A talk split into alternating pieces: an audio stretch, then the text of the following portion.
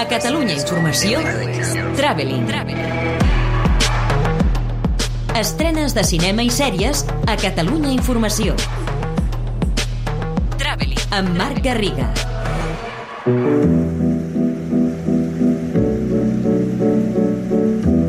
Miss Caruso, welcome.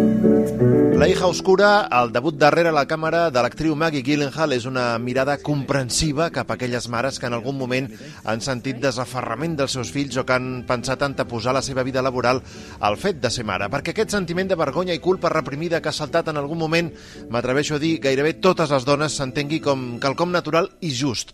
I ho fa adaptant la novel·la d'Helena Ferrante i amb una Olivia Colman que, com sempre, travessa la pantalla i arriba fins al més profund de la nostra ànima. Torna a estar nominada a l'Oscar per aquest film i gairebé que hauria d'estar cada any.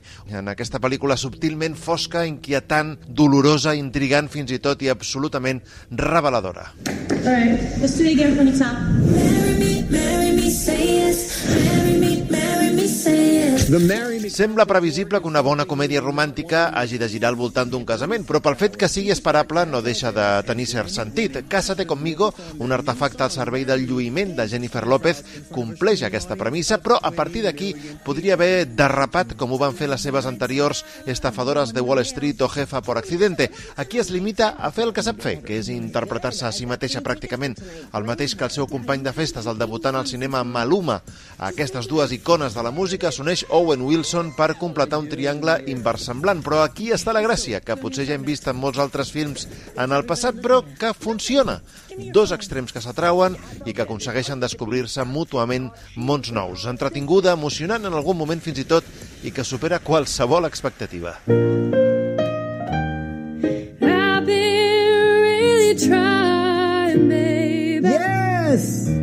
A Coda, Los sonidos del silencio li passa al contrari que amb Cásate conmigo. Nominada immerescudament a l'Oscar a millor pel·lícula, aquest remake de l'èxit francès La família Bélier arriba amb unes expectatives que és incapaç de complir. És un film correcte, de superació, d'una noia enamorada de la música que ha de lluitar contra la incomprensió de tota la seva família, tots ells amb discapacitat auditiva, i per tant és un film reconfortant, amb bones intencions, senzill, honest, però de cap manera està entre els 10 millors del 2021, com ha decidit l'Acadèmia de Hollywood. og prøver at trække vejret sådan dybt ind.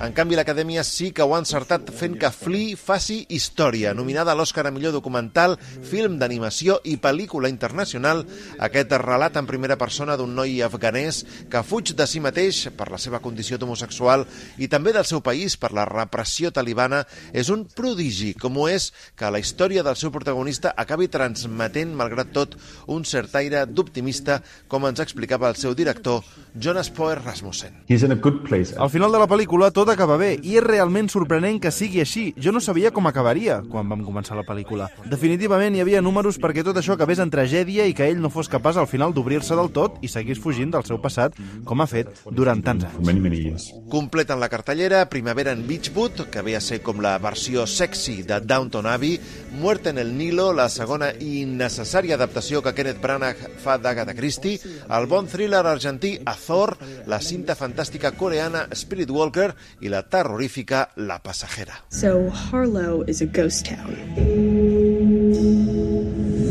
We have a vision for this place. Directe a plataformes arriben la innecessària i absolutament prescindible seqüela de La Matanza de Texas a Netflix, una original comèdia romana, Los Depredadores, a Filmin, la tendra història sobre un cavall de carreres, Caballo Soñador, Dream Horse, amb Toni Colette, a Movistar Plus, i el conte musical Snicarella, Cenicienta en zapatillas, a Disney Plus. I pel que fa a les sèries, destaquen la prometedora Separación, una producció nord-americana de ciència-ficció entre el thriller i el drama sobre els treballadors d'una empresa que s'han operat perquè el seu cervell discrimini els records de la feina dels de la vida personal, produïda per Ben Stiller i que tenen al repartiment noms com Patricia Arquette, Christopher Walken o John Turturro. Arriba a Apple TV Plus el dia 18, igual com We Crash, un drama al voltant del món de les startups amb Jared Leto i Anne Hathaway. I a més a terra filmin Germinal, la sèrie més vista de l'any a França, que adapta la novel·la d'Emile Zola, que retrata una vaga minera de finals del segle XIX. Traveling. Estrenes de cinema i sèries a Catalunya Informació. Amb Marc Garriga. Oh, fuck.